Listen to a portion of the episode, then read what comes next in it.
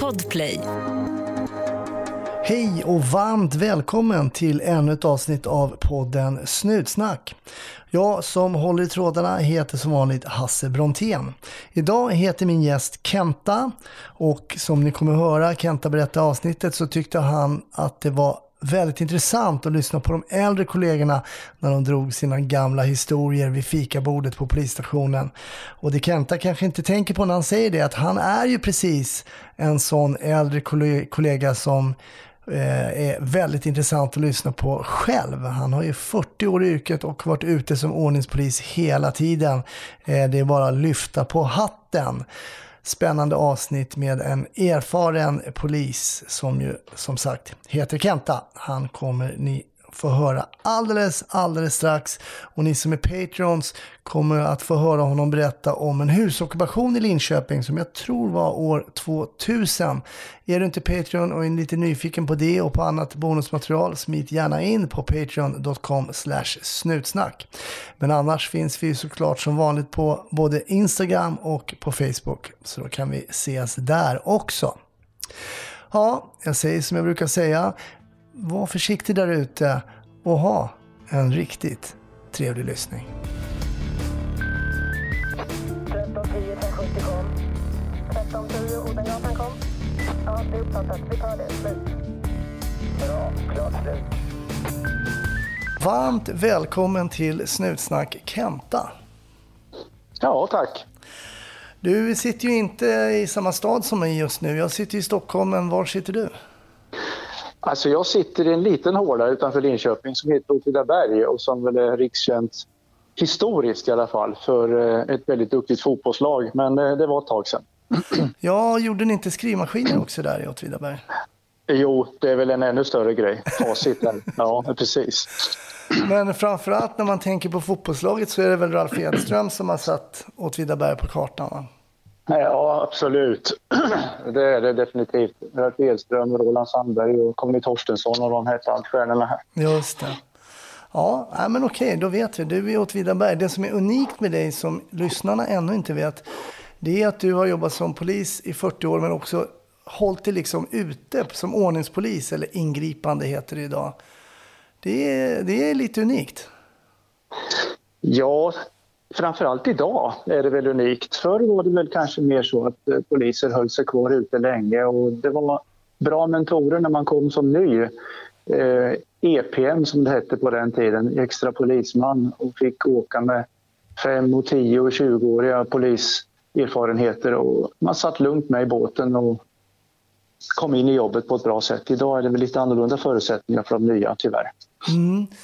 Det är rätt intressant för jag eh, läste igår på Twitter som är ett sånt socialt eh, medie och då var det någon som hade blivit dåligt bemött av polisen. Och jag kan, jag kan ju, det är ju viktigt med bra ingripanden när man gör det mot folk som kanske inte träffar polisen så ofta också givetvis. Men man blev ju verkligen upplärd av de äldre konstaplarna. Hur man skulle gå och stå och sådär. Lite enkla grejer ibland till och med. Men det var väldigt, eh, det var väldigt lärorikt. Absolut, absolut var det så. Och eh, med tiden så hade man ju sin egen profil givetvis och den växte ju fram. Vissa poliser tyckte man absolut inte gjorde som passade en själv och vissa hade mycket gott att lära. Så att, eh, ja, det fanns möjligheter där att utifrån växande erfarenhet och välja vilken typ av polis man ville bli. Mm. Men i början så sa du att det var nog mer, eh, inte lika unikt förr i tiden, för då satt man kvar liksom i radiobilen länge. Varför tror du att den här förändringen har kommit? Att man, idag är det så mycket unga poliser som vi ser i, ute i de så kallade radiobilarna. Jag vet inte om det är en generationsfråga. Jag är ju 60-talist, jag har fyllt 61 år nu. Jag liksom, eh, eh, man hade väl en annan eh, bild av vad, vad man förväntades göra i livet. Man, man gick grundskolan, gymnasiet, man gjorde sin lumpen, skaffade sig en utbildning och that's it. Liksom. Och sen blev man ofta kvar lite mm. grann där, där man var. Idag tror jag att det är en helt annan rörlighet och, och oro. Man jobbar ett par år och tycker man är färdig och sen så vill man gå vidare. Mm. Eh, jag, har inte, jag har inget svar men jag, jag har en liten teori om det. Just det. Mm.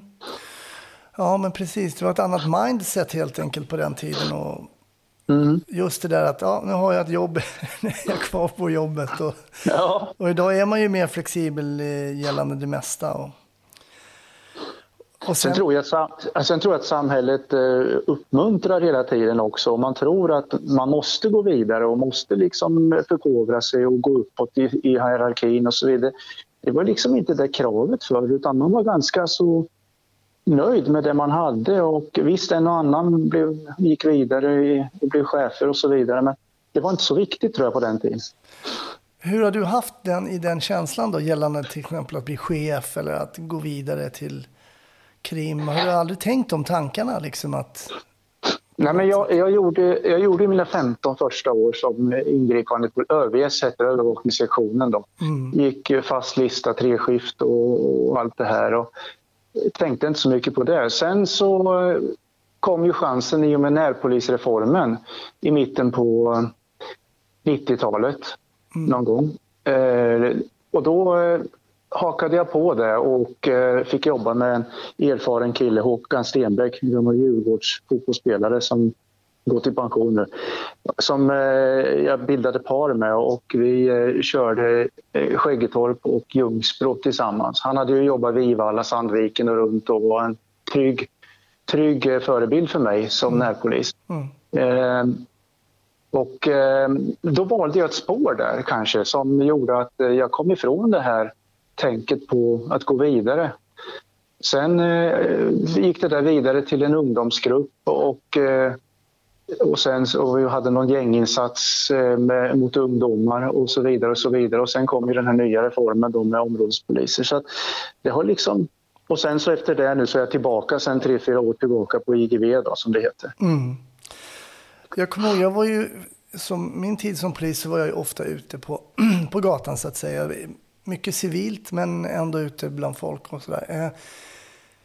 Jag gjorde någon, någon tid som utredare och jag kunde känna ibland känslan så här, men jag hade velat vara där liksom. Alltså, jag hade alltid en känsla att jag ville vara där. Inte efteråt läsa om det och, och, och, sen ställa frågor om det, utan jag ville gärna ha varit på plats och sen lämna över en händelse. Kan du känna igen den känslan? Absolut, det kan jag göra. Och sen så finns det en grej till i det hela och det är väl att eh, jag valde som 50-åring att göra en vuxenutredning för ADHD. Mm. Eh, av den anledningen att det kanske hänger ut min son här, men att min son har det, det går ofta i arv det här. Mm. Jag har ju insett att jag har någon form av diagnos med tanke på hur jag har växt upp och levt och allting.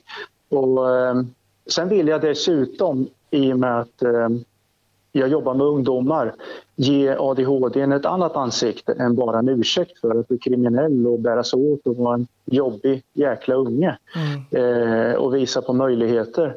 Men jag tror att den här diagnosen också bidragit till att jag har eh, någon form av driv som gör att jag, jag är inte nöjd riktigt med att eh, sitta inne på en stol utan jag vill att det rör sig omkring mig och att jag har full rulle så att säga. Och därför passar det mig att jobba med mycket yngre också.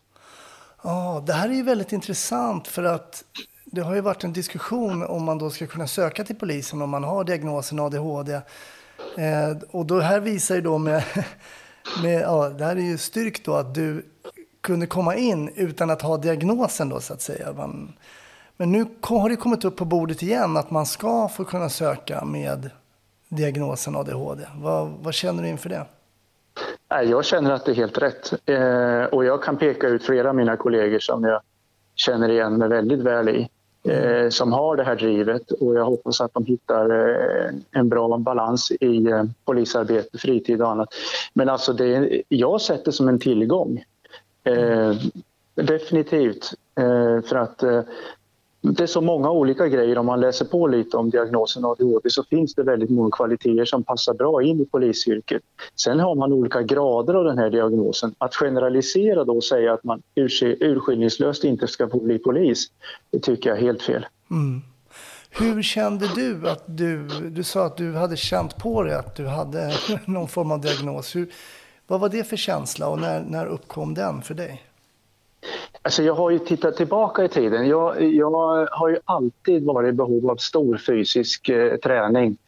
Ehm, jag, jag, har en massa SM-guld i löpning, med och långdistans. Då. Mm. Och, eh, jag skulle säga att den träningen och de, den resultaten jag uppnådde, det var nog helt enkelt min självmedicinering. Så egentligen så kunde det blivit lite annat och jag kunde kanske blivit kriminell med, inte vet jag. Men eh, jag tränade och tränade och tränade och jag var jättenöjd när jag kunde springa mina två mil efter varenda skoldag. Och det är klart att det gav resultat och helt plötsligt så, så vart man duktig på något och då hängde man upp det på det. Så att, eh, ja, jag tror det är lite vad man gör av det hela. Men eh, så här i efterhand så har jag förstått att den här, eh, det här har haft en orsak och det är väl det att jag har, har den här diagnosen och att jag har haft behov av att få rasta av mig och, och röra på mig mycket. Mm. Hur viktigt är det att få det liksom svart på vitt på något sätt att man, att man har diagnos, att du fick det till slut? Då? Hur, hur viktigt var det för dig?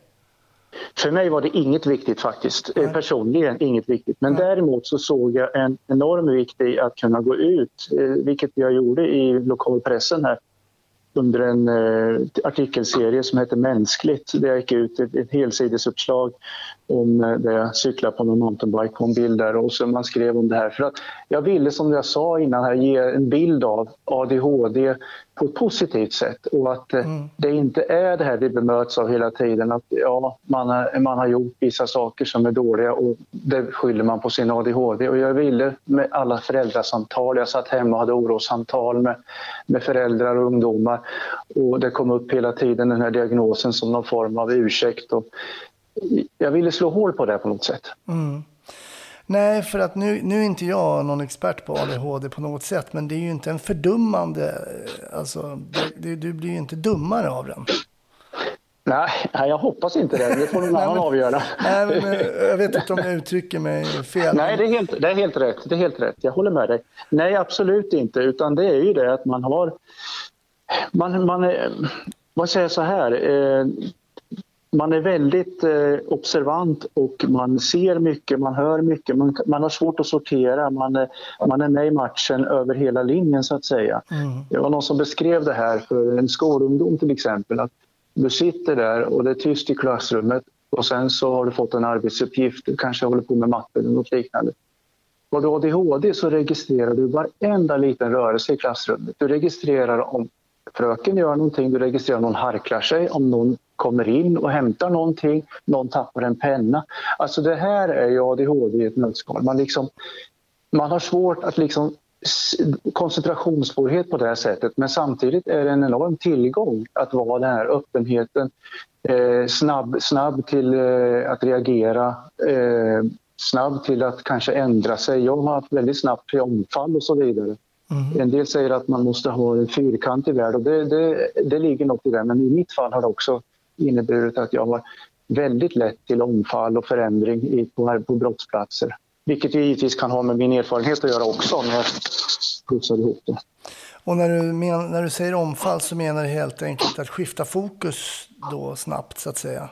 Ja, precis. Eh, jag har ju slutat med att kanske gå så blint på eh, ingångsvärdena ifrån RLC när man får ett utrop, det har varit kniv, tidigare våldsamt motstånd och så vidare. Jag tar det ganska så piano när jag åker fram och eh, litar på mitt omdöme och min möjlighet till att anpassa mig snabbt till vad jag får i knät när jag kommer.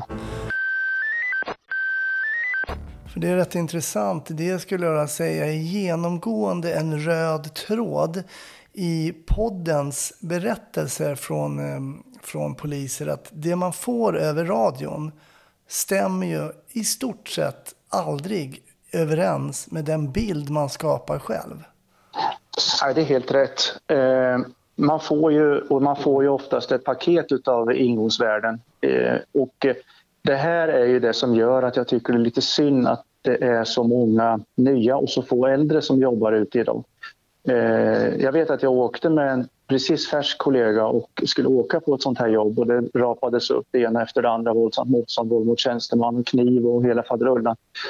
Och så var det något våldsbrott som hade gått. Och jag satt väl lugn i båten och körde vidare. Och till slut då så kom det lite försynt av den här tjejen då, att eh, Kenta, har vi någon plan? Eh, och då slog det mig, shit så jävla självgod jag är och att jag inte tänker. Förlåt sa jag och sen så pratade vi ihop oss lite i bilen. Eh, och jag förstår det, det är så det är. Och om två nya åker ihop och kommer på de, får det här utropet så det är inte helt lätt utan att man kanske har taggat upp och eh, skapat sig en bild som gör att kroppsspråk och annat när man kliver ur bilen blir helt fel i den situation man möter. Mm. Nej, men det är jätteintressant tycker jag om man backar tillbaks, eller man säger jag backar tillbaks. Jag menar, jag kom ut som aspirant och jag var till exempel på då, praktik, kallades på Norrmalmspolisen och vi åkte på ett snatteri på Åhléns som var väldigt, väldigt vanligt. Och första snatteriet på Åhléns, då fick man ju puls. Alltså, ja. Ja. Det, det, var ju, du var ute första gången i uniform på riktigt bland vanliga människor. Och så åkte du på ett jobb. Alltså, pulsen steg och, och, och, men redan efter några gånger du hade åkt på ett snatteri på Läns så hade du ju normalpuls för att ja. du visste att, att det här ärendet kommer inte kräva så mycket adrenalin kanske eller så mycket tankekraft som du trodde för första gången du fick det.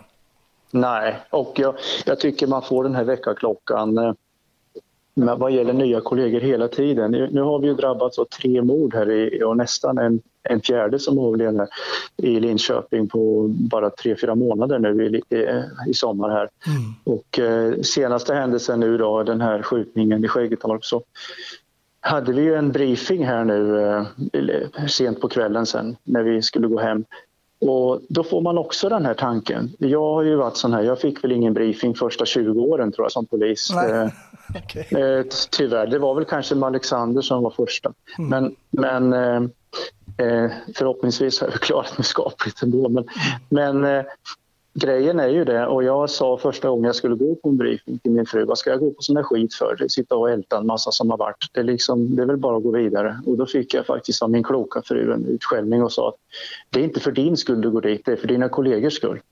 Och eh, mm. sen dess har jag givetvis haft en helt annan inställning och nu senaste skjutningen så fick jag det åter svart på vitt här att eh, det var första gången någon såg en död, det var första gången någon var på en skjutning.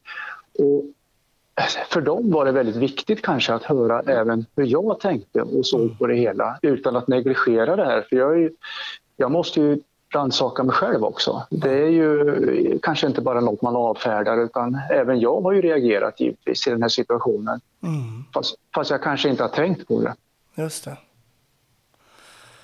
Ja, nej men det var väl mer så, eh, stoppa in det bara någonstans bak i skallen och och göm ja. det så går det säkert bra om, om du har tur. Ja, precis. Ja, precis. Nej, jag, jag hade ju Stickan, eh, en äldre kollega, han är ju i pension och han är 80 år idag, men han var god vän till min far som också jobbade som polis och de gick skolan tillsammans i början på 60-talet. Och han var ju med då, vilket i övrigt är ett väldigt intressant avsnitt av podden, när de sköt Videgren i Högdalen. Ah, okej, okay, ja.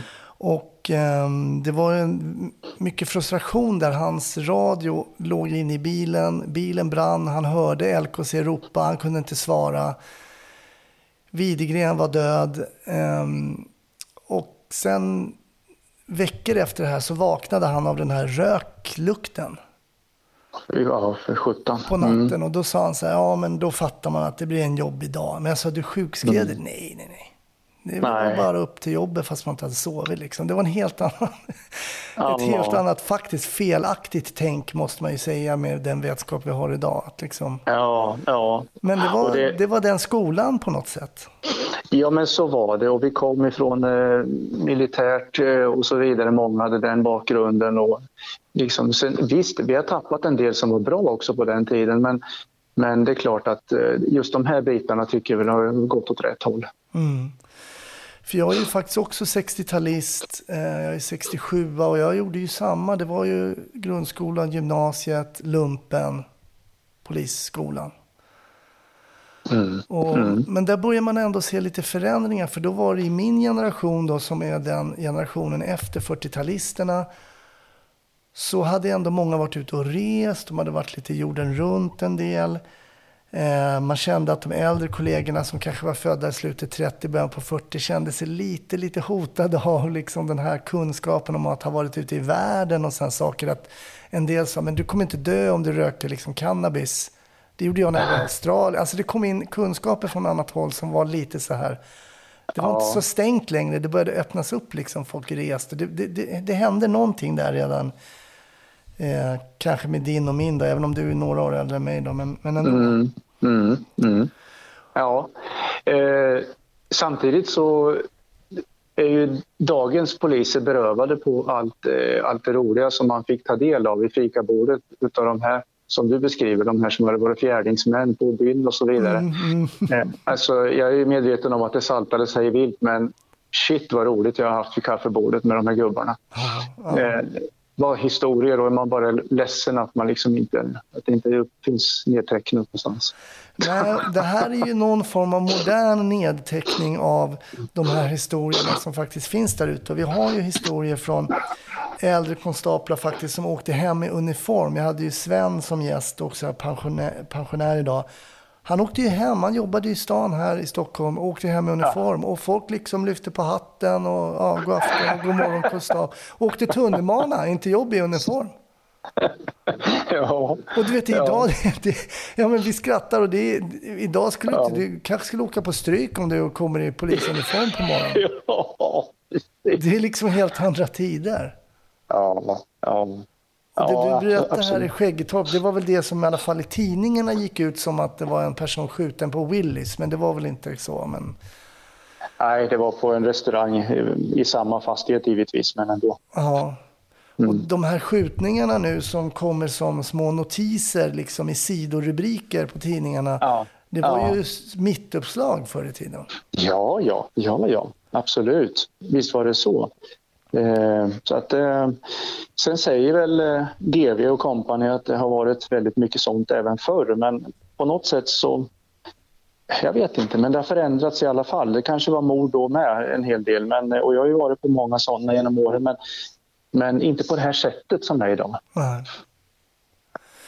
Nej, det fanns ju också en tid när man liksom kom ihåg namnen på mordoffer, så här Katrin da Costa eller... Ja, alltså, ja. Men nu är de så många så det, och man nämner inte ens offren. Nej. Jag vet inte. Nej. Det är någonting också, ingången, att vi får inte reda på riktigt på samma sätt. Jag vet inte vad det är. Nej, det är tråkigt och det vi lever med frustration tycker jag, eller som jag upplever i alla fall som en väldigt frustration, det är ju... Alltså jag har ju jobbat så tätt med ungdomar i alla våra problemområden i Linköping, om jag får kalla dem för det. Eh, och eh, växt upp med många av de här ungdomarna sen de var sen de var tonåringar och upp till att en del har blivit gängkriminella. Det är en relation som givetvis jag alltid kommer att ha glädje av och kommer att ha nytta av. Eh, för att man pratar inte med polisen, men mig pratar man med. Och, eh, det är ju en, det är en förmån, men eh, det är, ja, det är som sagt, det frustrationen ligger i att vi, vi måste snart lösa några av de här också. Mm. För det är, svårt, det är svårt alltså att försvara vårt arbete när vi inte kommer till mål med någonting. Och man träffar alla dessa föräldrar som har blivit av med sin son och, och sen så liksom, vad gör ni? Ja, jo, men det måste ha sin gång och så vidare och så vidare. Ja, jag läste en uh, artikel i Polistidningen nu som där liksom poliser ställer frågan till sig själv när en annan kollega blir dödad. Är det värt är det yrket värt det så att säga? Om risken blir större att själv kanske inte komma hem. Um, och det är klart, det är väl en fråga som är befogad om det blir händer ytterligare sådana här incidenter där poliser dödas ja. eller råkar illa ut.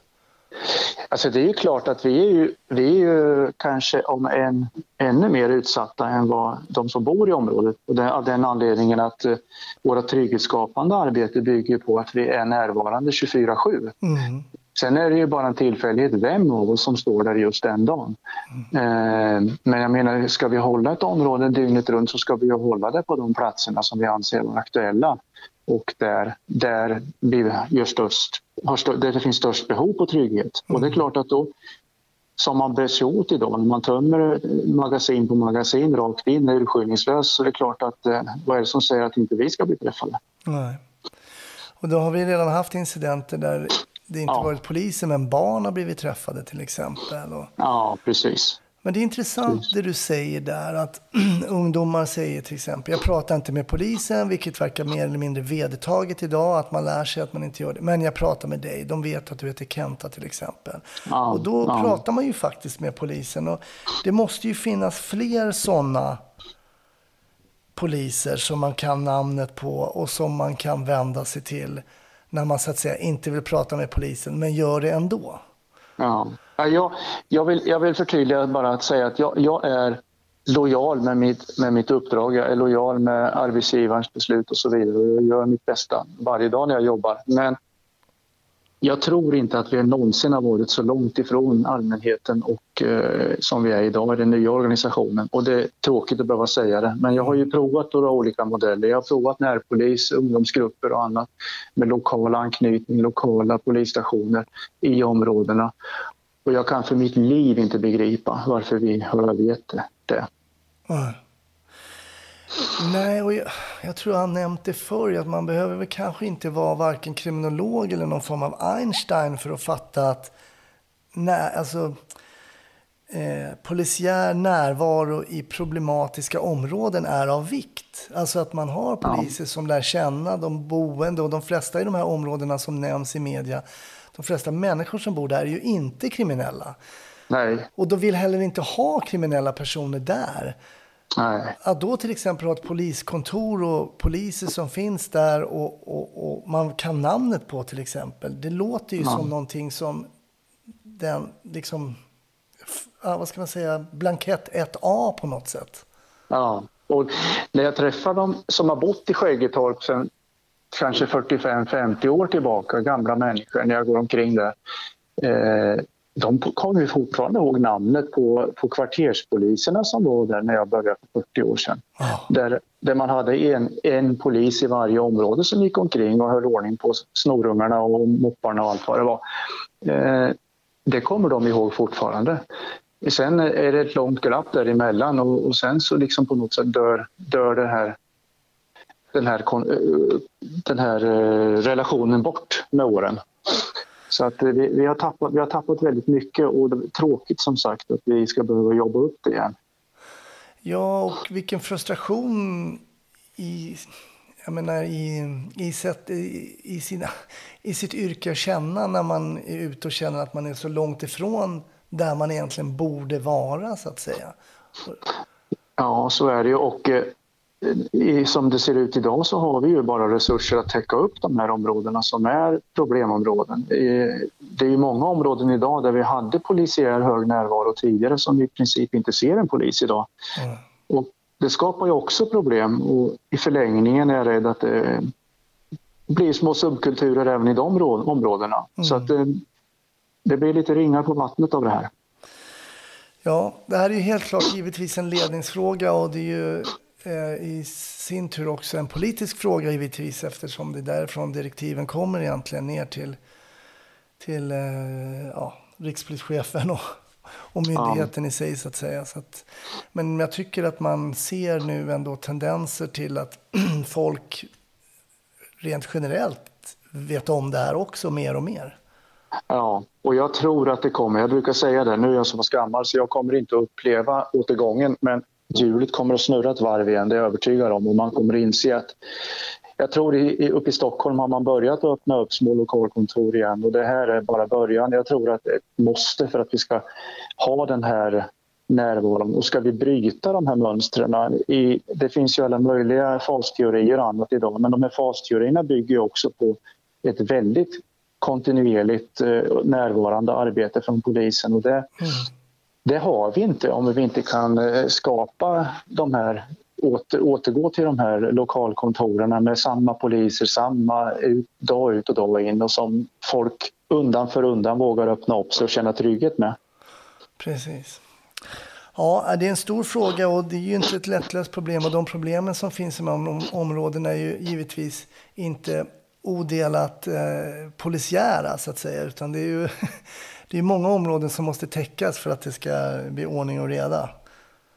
Absolut, visst är det så. Jag har faktiskt ställt frågan direkt till justitieministern vid ett besök här när vi pratade lokala ordningsvakter i city. Då. Mm. Eh, så frågade jag honom just det, hur han har tänkt lite. För att idag pratar vi bara om att vi ska bli 24 000 poliser och det är väl jättebra om vi använder dem på rätt sätt. Men vad händer med resten av rättskedjan? Vad händer med sociala förvaltningen? Vad händer med åklagarna? Vad händer med försvar? Ja, försvararna klarar sig säkert alltid, men, men alltså det, vi har alla rättsvårdande enheter måste ju hänga med i numerären för vi kommer ju aldrig att vara starkare än svagaste länken annars. Nej, precis.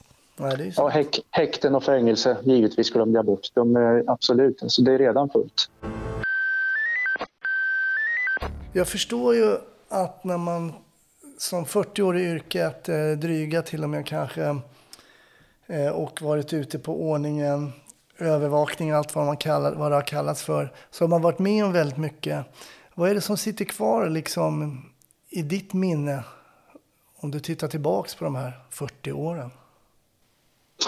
Jag satt och funderade lite på det med tanke på att vi skulle ha den här diskussionen i det här programmet. Och då började man ju... Jag är säker på att en hel del av det som jag har varit med om hade kommit upp lättare om vi hade suttit i en bastu med ett par bärs. eh, men eh, det, det, har ju varit en del stora saker. Eh, vi, Alexander går ju aldrig att komma förbi. Det är ju liksom det som jag satt spår väldigt mycket hos mig. Mm. Husockupationen 00 var ju också en väldigt dramatisk händelse med många ungdomar som varit vilseledda och hamnade i ett helvete kan man väl säga. Eh, EM 92 ingick jag i den, våran eh, insatsstyrka här i länet. Eh, och sen har det ju varit en hel del saker eh, däremellan och på senare år också eh, som har varit ja, mer, mer eller mindre spektakulära. Jobbade du den dagen när, i Alexander? Jag tänker på Alexandermorden. Och... Mm, ja, Eh, vi kanske kan hålla oss till det lite grann. Absolut, absolut. Jag gjorde ett vanligt dagpass på, eh, som eh, närpolis faktiskt. Eh, 99 när det hände och eh, skulle gå hem åka och hämta mina barn som inte var så gamla. Jag har två barn, de är födda 93 och 95. Mm. Eh, men sen var vi frysta på polisstation, alla, alla tillgängliga enheter. Ingen fick gå hem för att det hade varit ett rån i Kisa. Eh, man satte ihop en styrka och vi fick eh, åka ner till eh, en brytpunkt i Kisa. Och under tiden vi satt där, vi hade dåliga kartor och grejer vi letade som vi skulle liksom kunna börja fördela ut oss i området. Mm. Så kom det in att Kenneth hade blivit, Kenneth Eklund som råkade oerhört illa ut, hade blivit ja, utsatt för ett kraftigt eh, mordförsök helt enkelt. Mm. När han hade tagit upp förföljandet. Han var ju ensam i Kisa vid tillfället och hade väl följt efter den rånade bilen. Och sen vet ni de flesta att de låg i bakhåll för honom när han kom med bilen. Och det var med Guds försyn som han klarade sig ur och sin, att han hade erfarenhet och närvaro och kunna ta sig ur sin bil och söka skydd. Just det. Jag, jag har haft Kenneth lite på kroken och jag ser fram emot att ha honom som gäst också och höra just hans upplevelse också. Det ska bli ja. väldigt spännande. Mm. Eh, Bosse Andersson som var vår insatschef då vid tillfället, han eh, sa till mig, du Kent, jag känner ju Kenneth lite grann och det gjorde jag väl lite så, vi hade ju jobbat ihop och så. Mm. Kan inte du eh, gå ut och höra med Kenneth om han har något att lämna i några bra uppslag? Och jag kom ju ut där och träffade Kenneth men alltså jag träffar ju inte Kenneth, jag träffar ju en zombie som kommer. Oh. Alltså Ken Kenneth var ju inte, han var inte med, han, var liksom, han fanns inte. Oh. Eh, det var en skuggfigur, fullständigt i chock tror jag och eh, fasan vet att han överhuvudtaget stod upp. Jag fattade inte det med tanke på det han hade varit med om. Mm. Eh, jag, jag, jag, pratade inte med Kenneth, jag visade att jag fanns där. Jag frågade ingenting, jag ansåg att det var helt fullständigt meningslöst. Jag gick och hämtade en kopp kaffe åt honom och sen fanns jag bara där. Oh. Jag tänker, jag finns här. Jag bara liksom, kommer det något spontant så kommer det någonting. Mm. Kenneth blev ju mer, fick ju mer lämna sen vartefter och ganska snart efter det där så kom det in att det hade varit en skottlossning i Alexander. Mm. Och eh, jag eh, och min kollega Peter Wiveland blev utsedda att åka ner och kolla vad som hade hänt. Och där har vi pratat mycket, Peter och jag, och kommit fram till att vi hade en olika bild av det. Han hade väl en bild av att det hade varit en skjutning mot kollegor medan jag hade en mer allmän bild att man hade hört skott. Okay. Eh, vi hade en tungväst och ett förstärkningsvapen att tillgå och det klädde jag på mig och Peter körde bilen och vi åkte ner mot Alexander. Eh, vi pratade väl som man gör alltid och lite sådär fram och tillbaka vad som skulle kunna ha hänt och vad det kan vara för någonting och, det som hade hänt och Kenneth och allt det här fanns ju med. Mm. Närmar oss och ser att det står folk ut med vägen och pekar i en riktning. När vi kommer ytterligare lite närmare så hör jag helikoptern, vår egen, som ropar och säger nu ser jag första polispatrull närma sig. Och då tänkte jag, det här är inte bara någon som har skjutit rakt ut i luften. Mm. Vi kommer runt den här lilla klippavsatsen ut med sjön där, det är fantastiskt vackert där nere. Eh, och kör i princip rakt in i scenariot. Eh, där står den här polisbilen och den är ju helt sönderskjuten. Eh, rutor och allt krossat. Eh, bakom polisbilen, bakom bakluckan, ligger en kollega och i dikeskanten strax intill ligger en annan kollega. Och eh, Ja, ambulansen var ju där före oss och för mig var det fullständigt... De hade slitit upp skyddsvästarna på dem och försökt men den ena hade de slutat jobba med och den andra hade de på lite fortfarande när vi kom. Eh, nej, men det, vi vart ståendes helt enkelt, Peter och jag, framför motorhuven på våran bil. Och det var några få meter emellan oss. Jag tänkte, vi, vi hade exakt samma kläder som våra kollegor. Vad, och där ligger de helt enkelt. Mm. Och jag kände så vi stod där, det kändes som en evighet nästan när vi stod där. Men till slut så tittade vi på varandra och insåg att här, vi, måste ju, vi, vi har ju en uppgift att göra. Mm. Um, så vi kom överens om vem som skulle stå på vilken sida och Peter sa jag kan stå kvar här. Och jag gick över då förbi den här brottsplatsen, mordplatsen och tog andra sidan då. Mm. Och och stoppade allt som fanns då. Liksom. För vi insåg att nu måste det göras en massa åtgärder här. Mm. det var ett ganska lätt ställe att bevaka för att det är ju en sjö på höger sida och det är en brant sluttning på vänster sida. Eh, de här grabbarna, Olle och Robert, de hade fastnat i en riktig jävla dödsfälla helt enkelt. Det fanns ingenstans att fly. Shit. Ehm, Ja, sen gick tiden. Vi stod på våra olika poster. Jag vet inte hur Peter var utrustad, men jag hade ju ändå tungväst och, och förstärkningsvapen. Då. Eh, det dök upp lite journalister eh, och så vidare. Men sen så gjorde man de åtgärder man gör. Teknikerna skulle dit, eh, man skulle ta dit läkare, man skulle eh, och sen skulle det med bilen skulle ju bort så småningom. Borbilarna kom och allt det här. Då. Eh, det var ett scenario som tog sin lilla tid innan allting var klart. Och, sen kommer jag aldrig att glömma, det finns, fanns en helbild på framsidan av, jag tror det var Aftonbladet, där jag står med eh, vapnet på bröstet och skyddsväst med lite nedsänkt huvud. Och sen ser man hur två borrbilar backar ut då, mm. förbi mig. Och det, då vet jag att journalisten låg i diket mitt emot och skrek åt mig att jag skulle göra honnör. Och jag tog väldigt illa vid mig det faktiskt. Okay. Jag kände att eh, det störde hela situationen på något sätt. Att ens komma med något sånt och inte bara låta, låta mig få vara i fred just då. Just det. Men, men, eh, men ville han ha en bild eller? Ja, ja. Jag är övertygad om att det, jag tolkade så i alla fall. Mm, nej, jag tolkade så i alla fall, att det skulle vara lite mer effekt i det hela. Men eh, jag nöjde mig med att stå med nedsänkt huvud och, och bara finns så att säga. Men när du kom fram, eller när ni kom fram, de här kollegorna ligger, såg du vilka de här personerna var? Var det några du kände till namn och, och, och sådär? Eller? Jag hade aldrig träffat Olle och Robert innan. Eh, och, eh, så att jag, jag, jag kände dem inte, men det spelade egentligen ingen roll. Eh, det var, det var nästan som att det var jag själv. Mm. Det kunde lika gärna varit jag själv. Jag hade säkert gjort exakt likadant om jag hade jobbat och varit i närheten och hamnat i den här sitsen. Vad hände i liksom den polisiära Kenta och den privata Kenta här nu liksom simultant på något sätt? Vad hände i dig när, när du var med om den här saken? Ja, men polisiära eh, Kenta fick ju stå tillbaka en stund inledningsvis. Mm. Eh, men det var väl det som var tvunget att brytas på något sätt. Eh, den, den, den, vanliga Kenta var tvungen att brytas i det läget för att annars hade jag inte kommit någon vart. Då hade jag blivit kvar ståendes där mm. i notapotiskt tillstånd. Eh, jag vet att det kom fram en kollega sen som var ledig och som har sin sommarstuga tror jag nere i Alexander och grät och var helt förtvivlad och som kände de här grabbarna. Och, och frågade hur, hur orkar du stå här, sa han åt mig. Liksom. Och jag sa det, ja men snälla du, sa jag, jag har en arbetsuppgift. Jag får ta mitt sen, sa jag. Mm.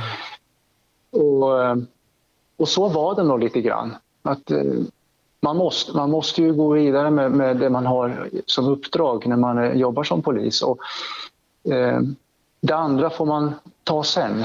Mm. Eh, och det kommer ju att komma tillbaka gång efter annan. Mm. Precis som du berättade förut om den här med röklukt på natten och så vidare. Mm. Det, det kommer tillbaka. Jag vet att jag var på semester eh, efteråt och vi var i Visby och spontant kände jag bara att jag går in i kyrkan och tänder ett par ljus. Och, mm. Ja, det kändes bra just då mm. att göra det. Det var också en sån där, det var något som gjorde att det kom tillbaka. Den här händelsen hade, jag jobbade också som polis och fick ju höra de här händelserna som du beskriver eh, så noggrant här men mer då via media och via polisiära kanaler. Då. Det hade en oerhörd impact måste jag säga. Man kunde nästan känna på hela stationen mm. att nu jävlar alltså. Det här, ja. nu, nu, det här får liksom inte hända. Nej. Och Nej. vi gick upp på tå liksom, det gjorde vi. Sen ja, hjälpte det gjorde... inte alltid det, men i det här fallet Nej. så gjorde det ju det lite grann. Ja, och det var ju kaos, vilket ju skulle visa sig eh, närmaste timmarna sen efteråt. För att mm. stab, staben här i Linköping eh, vill ju givetvis ta oss i tjänst så fort som möjligt med tanke på det vi hade varit med om då och fått tagit del av. Mm. Eh, och det är ju helt sunt tänkt givetvis.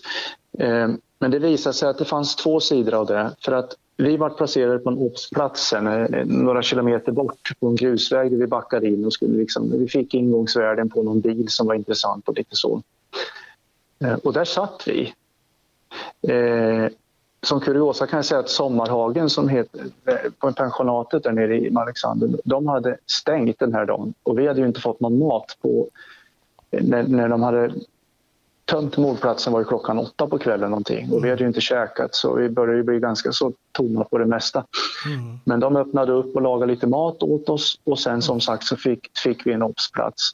Eh, och där satt Peter och jag. Och klockan gick och vi tänkte inte så mycket på det utan vi pratade och pratade och pratade. Och, eh, klockan var väl midnatt och något över och då ringde jag in till staben och frågade lite försynt hur, hur arbetet fortlöpte. Vi hörde ju på radion att det var poliser från varenda närangränsat län som var inkopplade. Mm. Eh, och då fick jag till svar, utan, jag, kommer, jag tror det var Håkan Evertsson som eh, var, satt i staben då. Men vad i helvete sitter ni kvar än? skrek han. Mm. Och, det, och själv, självkritiskt. Och då, och då, ja, vi har inte hört något annat sa vi. Och då, eh, jag måste ta tag i det. Och eh, sen gick väl kaoset igång igen för att vi kom in klockan sju på morgonen och då hade det gått ett dygn. Mm. Men, men samtidigt så, det dygnet, det, de timmarna vi satt där i, i bilen för oss själva, mm. då var vi ganska klara med vår briefing. Just det. Mm. det vi hade pratat, mm. ja, och vi hade vänt och vridit på, på situationen åt alla håll och kanter och delat våra synintryck och hur vi hade tänkt och hur vi hade känt och allting. Så det hade ett enormt värde faktiskt. Ja. ja vilken uh, oerhört uh, tragisk händelse det där var. Ja, och det ska vi inte glömma bort och det hoppas jag verkligen att det fortfarande finns kvar. Och, eh, det, är ju, det är det här som är våran vardag när den är som värst. Mm. Att, vi, att vi kan hamna här. Mm. Ja, verkligen. Och den har tyvärr, det har hänt igen. Det har hänt igen, ja. Och nu får vi se om det nu är rätt person då som jag uppfattar fortfarande sitter häktad då, men um, mm. det återstår väl att se ja. hur, hur, det blir. Ja. Hur tänker du kring ditt val av yrke idag? Med allting, med det här du berättar och med allt annat som du har liksom i ryggsäcken. Ja, jag har nog aldrig ångrat mitt val. Jag har nog trivts med mina arbetsuppgifter och framför allt med alla kollegor. Och jag har väl mer och mer njutit av att, att ha en väldigt bred relation till, till andra människor också. Mm. Eh, såväl kriminella som sunda och vanliga ungdomar och, vuxna. Och, man har med ålderns rätt kunnat följa och se att det kommer fram människor till en idag ibland som har varit ungdomar under, under min polistid och som, som är stolta över att de har gått vidare. De har liksom brutit med ett kriminellt, kriminellt leverne, de har skaffat jobb, de har familj, de har kanske företag och kommer fram och berättar det. Och jag tycker... Jag vet inte vilka jobb jag hade fått uppleva det här i annars. Nej. Vad intressant. Vad, det är så att vi ska i podden följa en ung kille som heter Jonathan. Han är 19 år idag. Han har inte börjat på polisskolan. Men han har kommit in och ska precis börja nu. Om det till och med är den dagen vi spelar in idag. Men jag har pratat med honom innan han har börjat. Vilka förväntningar han har på yrket och så vidare. Men du Kenta som nu har sån erfarenhet. Vad skulle du ge för råd till Jonathan, 19 år, går in på skolan i detta nu i stort sett vad ger du för råd till en ung kille där du en gång i tiden var själv? Ja, jag har också, som sagt, fast man inte tror det, jag har också varit en ung polis. Jag var 21, jag var 21, 21 år och eh, det var som sagt en annan tid. Men det, det, det, som har mognat fram och det som jag tänker idag är det att inte falla in i någon kultur som man egentligen inte känner igen sig i. Eh, och känna sig tvingad till. Utan grunden till att få ett bra polisliv med, där man mår bra själv och där man inte behöver gömma sig. Jag arbetar alltid med namnskylt till exempel för jag tycker det är en respekt emot dem jag jobbar mot och med. Mm. Eh, och så vidare. Det är att uppträda med respekt oavsett vem du har framför dig. Mm. Eh, döm ingen i förväg. Ha ett respektfullt bemötande när du stoppar en bil, eh, du vet att de är aspade och det finns bus i bilen och så vidare. Men det kostar inget extra att förklara vad du ska göra. Gör det på ett korrekt sätt. Ha gärna lite humor om det finns utrymme för det. Mm. Alltså, du ska göra ditt jobb och du ska komma hem igen. Du mm. behöver inte liksom spela match och, och, och, och, rida på din, din makt, för den har du gratis. Och Du har dina rättigheter och du har dina skyldigheter. Men du kan göra det på så många olika sätt. Mm. Och jag har aldrig, fast jag har varit väldigt offentlig med det mesta, haft problem med det. Jag har aldrig haft något. Till och med i gängen har liksom, när vi hade Black Cobra och alla de här, så gängledare och annat har respekterat mig och jag har kunnat prata med dem, jag har kunnat skälla på dem, jag har kunnat låsa in dem, lagföra dem. Och det har aldrig slagit tillbaka negativt för att det finns någon form av en, ja, säg sjuk då, men en relation ändå någonstans. Mm. Av ömsesidig respekt. Mm. Det är intressant. Jag hade en tes. Jag var lärare på skolan och jag har en tes själv att man rent privat kan tänka på det. Att det är väldigt svårt också tycker jag om man man ska bemöta, eller man vill säga att man är arg på någon som är jävligt snäll mot den. Eh, alltså det, det är ja, svårt alltså. Ni vet så här, när man är vuxen tänker sig, men nu ska jag snacka med honom eller henne. Och så är han så jävla snäll och trevlig mot en. Så man, man tar ner liksom sig själv lite. Fast man, och där tycker jag att det har också en effekt. Det du berättar om när du stoppar bilen och så här, de kanske hatar snutar. Ja. Eh, poliser ja. är det värsta de vet. Men sen vävar de ner rutan och så är du så jävla snäll. Liksom. Det, det, det sänker folks liksom, gard lite grann. Så där tror jag att det, det, fin- det du säger är helt rätt. Och jag tror att det här är min tanke som jag har haft, som jag Ja. har liksom också privat tänkt på. Liksom. Ja. Jag tror att det ligger mycket eh, i det faktiskt. Och en del i den här respekten, det kan man ju faktiskt testa lite på olika sätt hur, hur det kan ha effekt. Jag, jag har ju jobbat på ganska många eh, skolavslutningar och såna här grejer och det springer ungar som är lite halvfulla och de bär på alkohol åt varandra och så vidare. Och så vidare. Men just det där att någon gång ibland när, när magkänslan säger något annat så, så går man fram och frågar en ungdom till exempel. Och, eh, har du någonting i väskan nu som du inte ska ha? Och så säger de nej det har jag inte. Och sen så blir det lite tyst och så säger de ska du kolla? Vad ska jag kolla för säger jag. Ja men ska du inte kolla om jag har något i väskan? Men du sa ju att du inte har något i väskan. det är klart att jag tror på dig då, inte står du och ljuger för mig eller hur? Nej säger de då. Och bara testa det någon gång. Jag kanske hade fel, men skitsamma. Effekten blir så enormt spännande på något sätt. Ja, just det. Han tror på mig helt plötsligt. Och det, det, så det är nästan som man... Ja. Det, kom, det blir konstigt att polisen trodde på att jag... ja. Ja, precis. Aj, superintressant. Eh, oerhört eh, spännande att få höra, få en inblick i ett sånt eh, rikt polisiärt liv och några goda råd också här på slutet. Men jag kan ju inte låta bli att avsluta som jag brukar göra. Och det är ju fråga då vad en erfaren konstapel tycker om poliser på film. ja. Poliser på film, ja. ja. Nej, men jag har ju några favoriter givetvis. Jag har några historiska favoriter. Och det är ju, jag gillar ju French Connection med Gene Hackman. Det är en riktigt gammal polisfilm. Mm. Men eh, den, den, den gillade jag. Och sen, sen är det klart att man måste få lite match och gilla Dirty Harrys filmer. Absolut. Men, men om vi nu går till så att folk begriper vad jag pratar om så eh, jag föredrar nog de här lite mer engelska eh, deckarna. Skotska deckare och sen där det är lite mera, det kanske inte är så många mord och det är inte så spektakulärt men det är ett idogt arbetande poliser som i en kanske liten vardag någonstans med, med begränsade resurser kämpar på och jobbar. Och det gillar jag. Och sen gillar jag givetvis Det omutbara med Kevin Costner och Sean Connery. Alltså, fantastisk film. Ja, ja det, är, det är lite guldkorn. Jag kanske delar med mig verkligen. Och jag måste säga nu, jag skulle kunna eh, komma tillbaka med ett tips faktiskt. Om du, för jag och min fru har börjat titta på en fransk serie som går på SVT Play. Jag tycker Ja. översättningen inte är perfekt, men den heter Falsk identitet. Okej. Och den Ja. handlar om underrättelsetjänster. Ah, Och den är superbra alltså. Den ska jag titta på. Det är Självklart. fiktiva händelser, men i nutid så man, det är IS, Frankrike, jänkarna, ryssarna.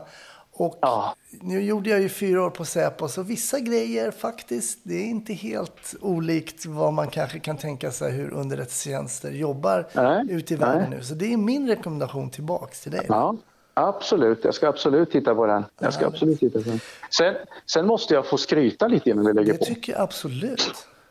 Jag måste ju få skryta. Eftersom du har gått på Sörentorp så kan jag säga så här att jag har haft skolrekordet på 3 banan i 40 år.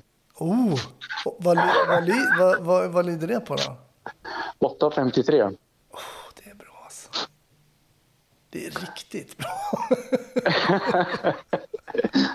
Stå, Nej, men det står, det lite- sig, står, det- det står sig fortfarande?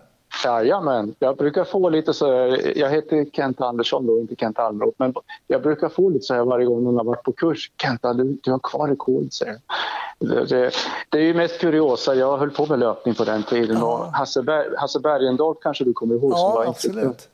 Han fick ju mig att gå över till spårvägen där då, så var jag med i dem och tävlade en hel del. Och så, så det där rekordet, det, nej, men det är lite kul för det, det, nästan alla gamla poliser har sprungit den där banan så det är lite Ja. roligt att ha just det där. Ja, jag gjorde inga 8.43 kan jag säga. och där är väl en uppmaning till Jonathan då. Nu går inte han på, på Sörentorp, men eh, han ska gå i Nej, Växjö. Men, men 8.43 Jonathan, har du något att- 53 var det. Nej, det är bäst att vara, nu, bäst att vara noga. Ja, 53, förlåt. 53.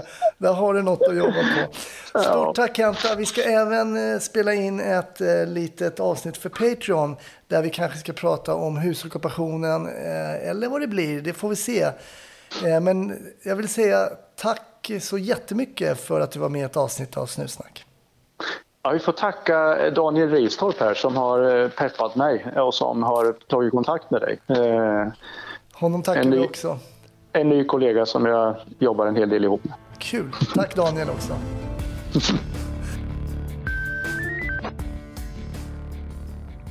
Tack för att du har lyssnat på Snutsnack. Det här avsnittet är över. Det kommer givetvis ett nytt om en vecka. Jag hoppas att du lyssnar även då. Annars så kanske vi ses eller hörs på Facebook och Instagram. Och glöm inte Patreon där vi har en massa bonusmaterial som ligger just nu.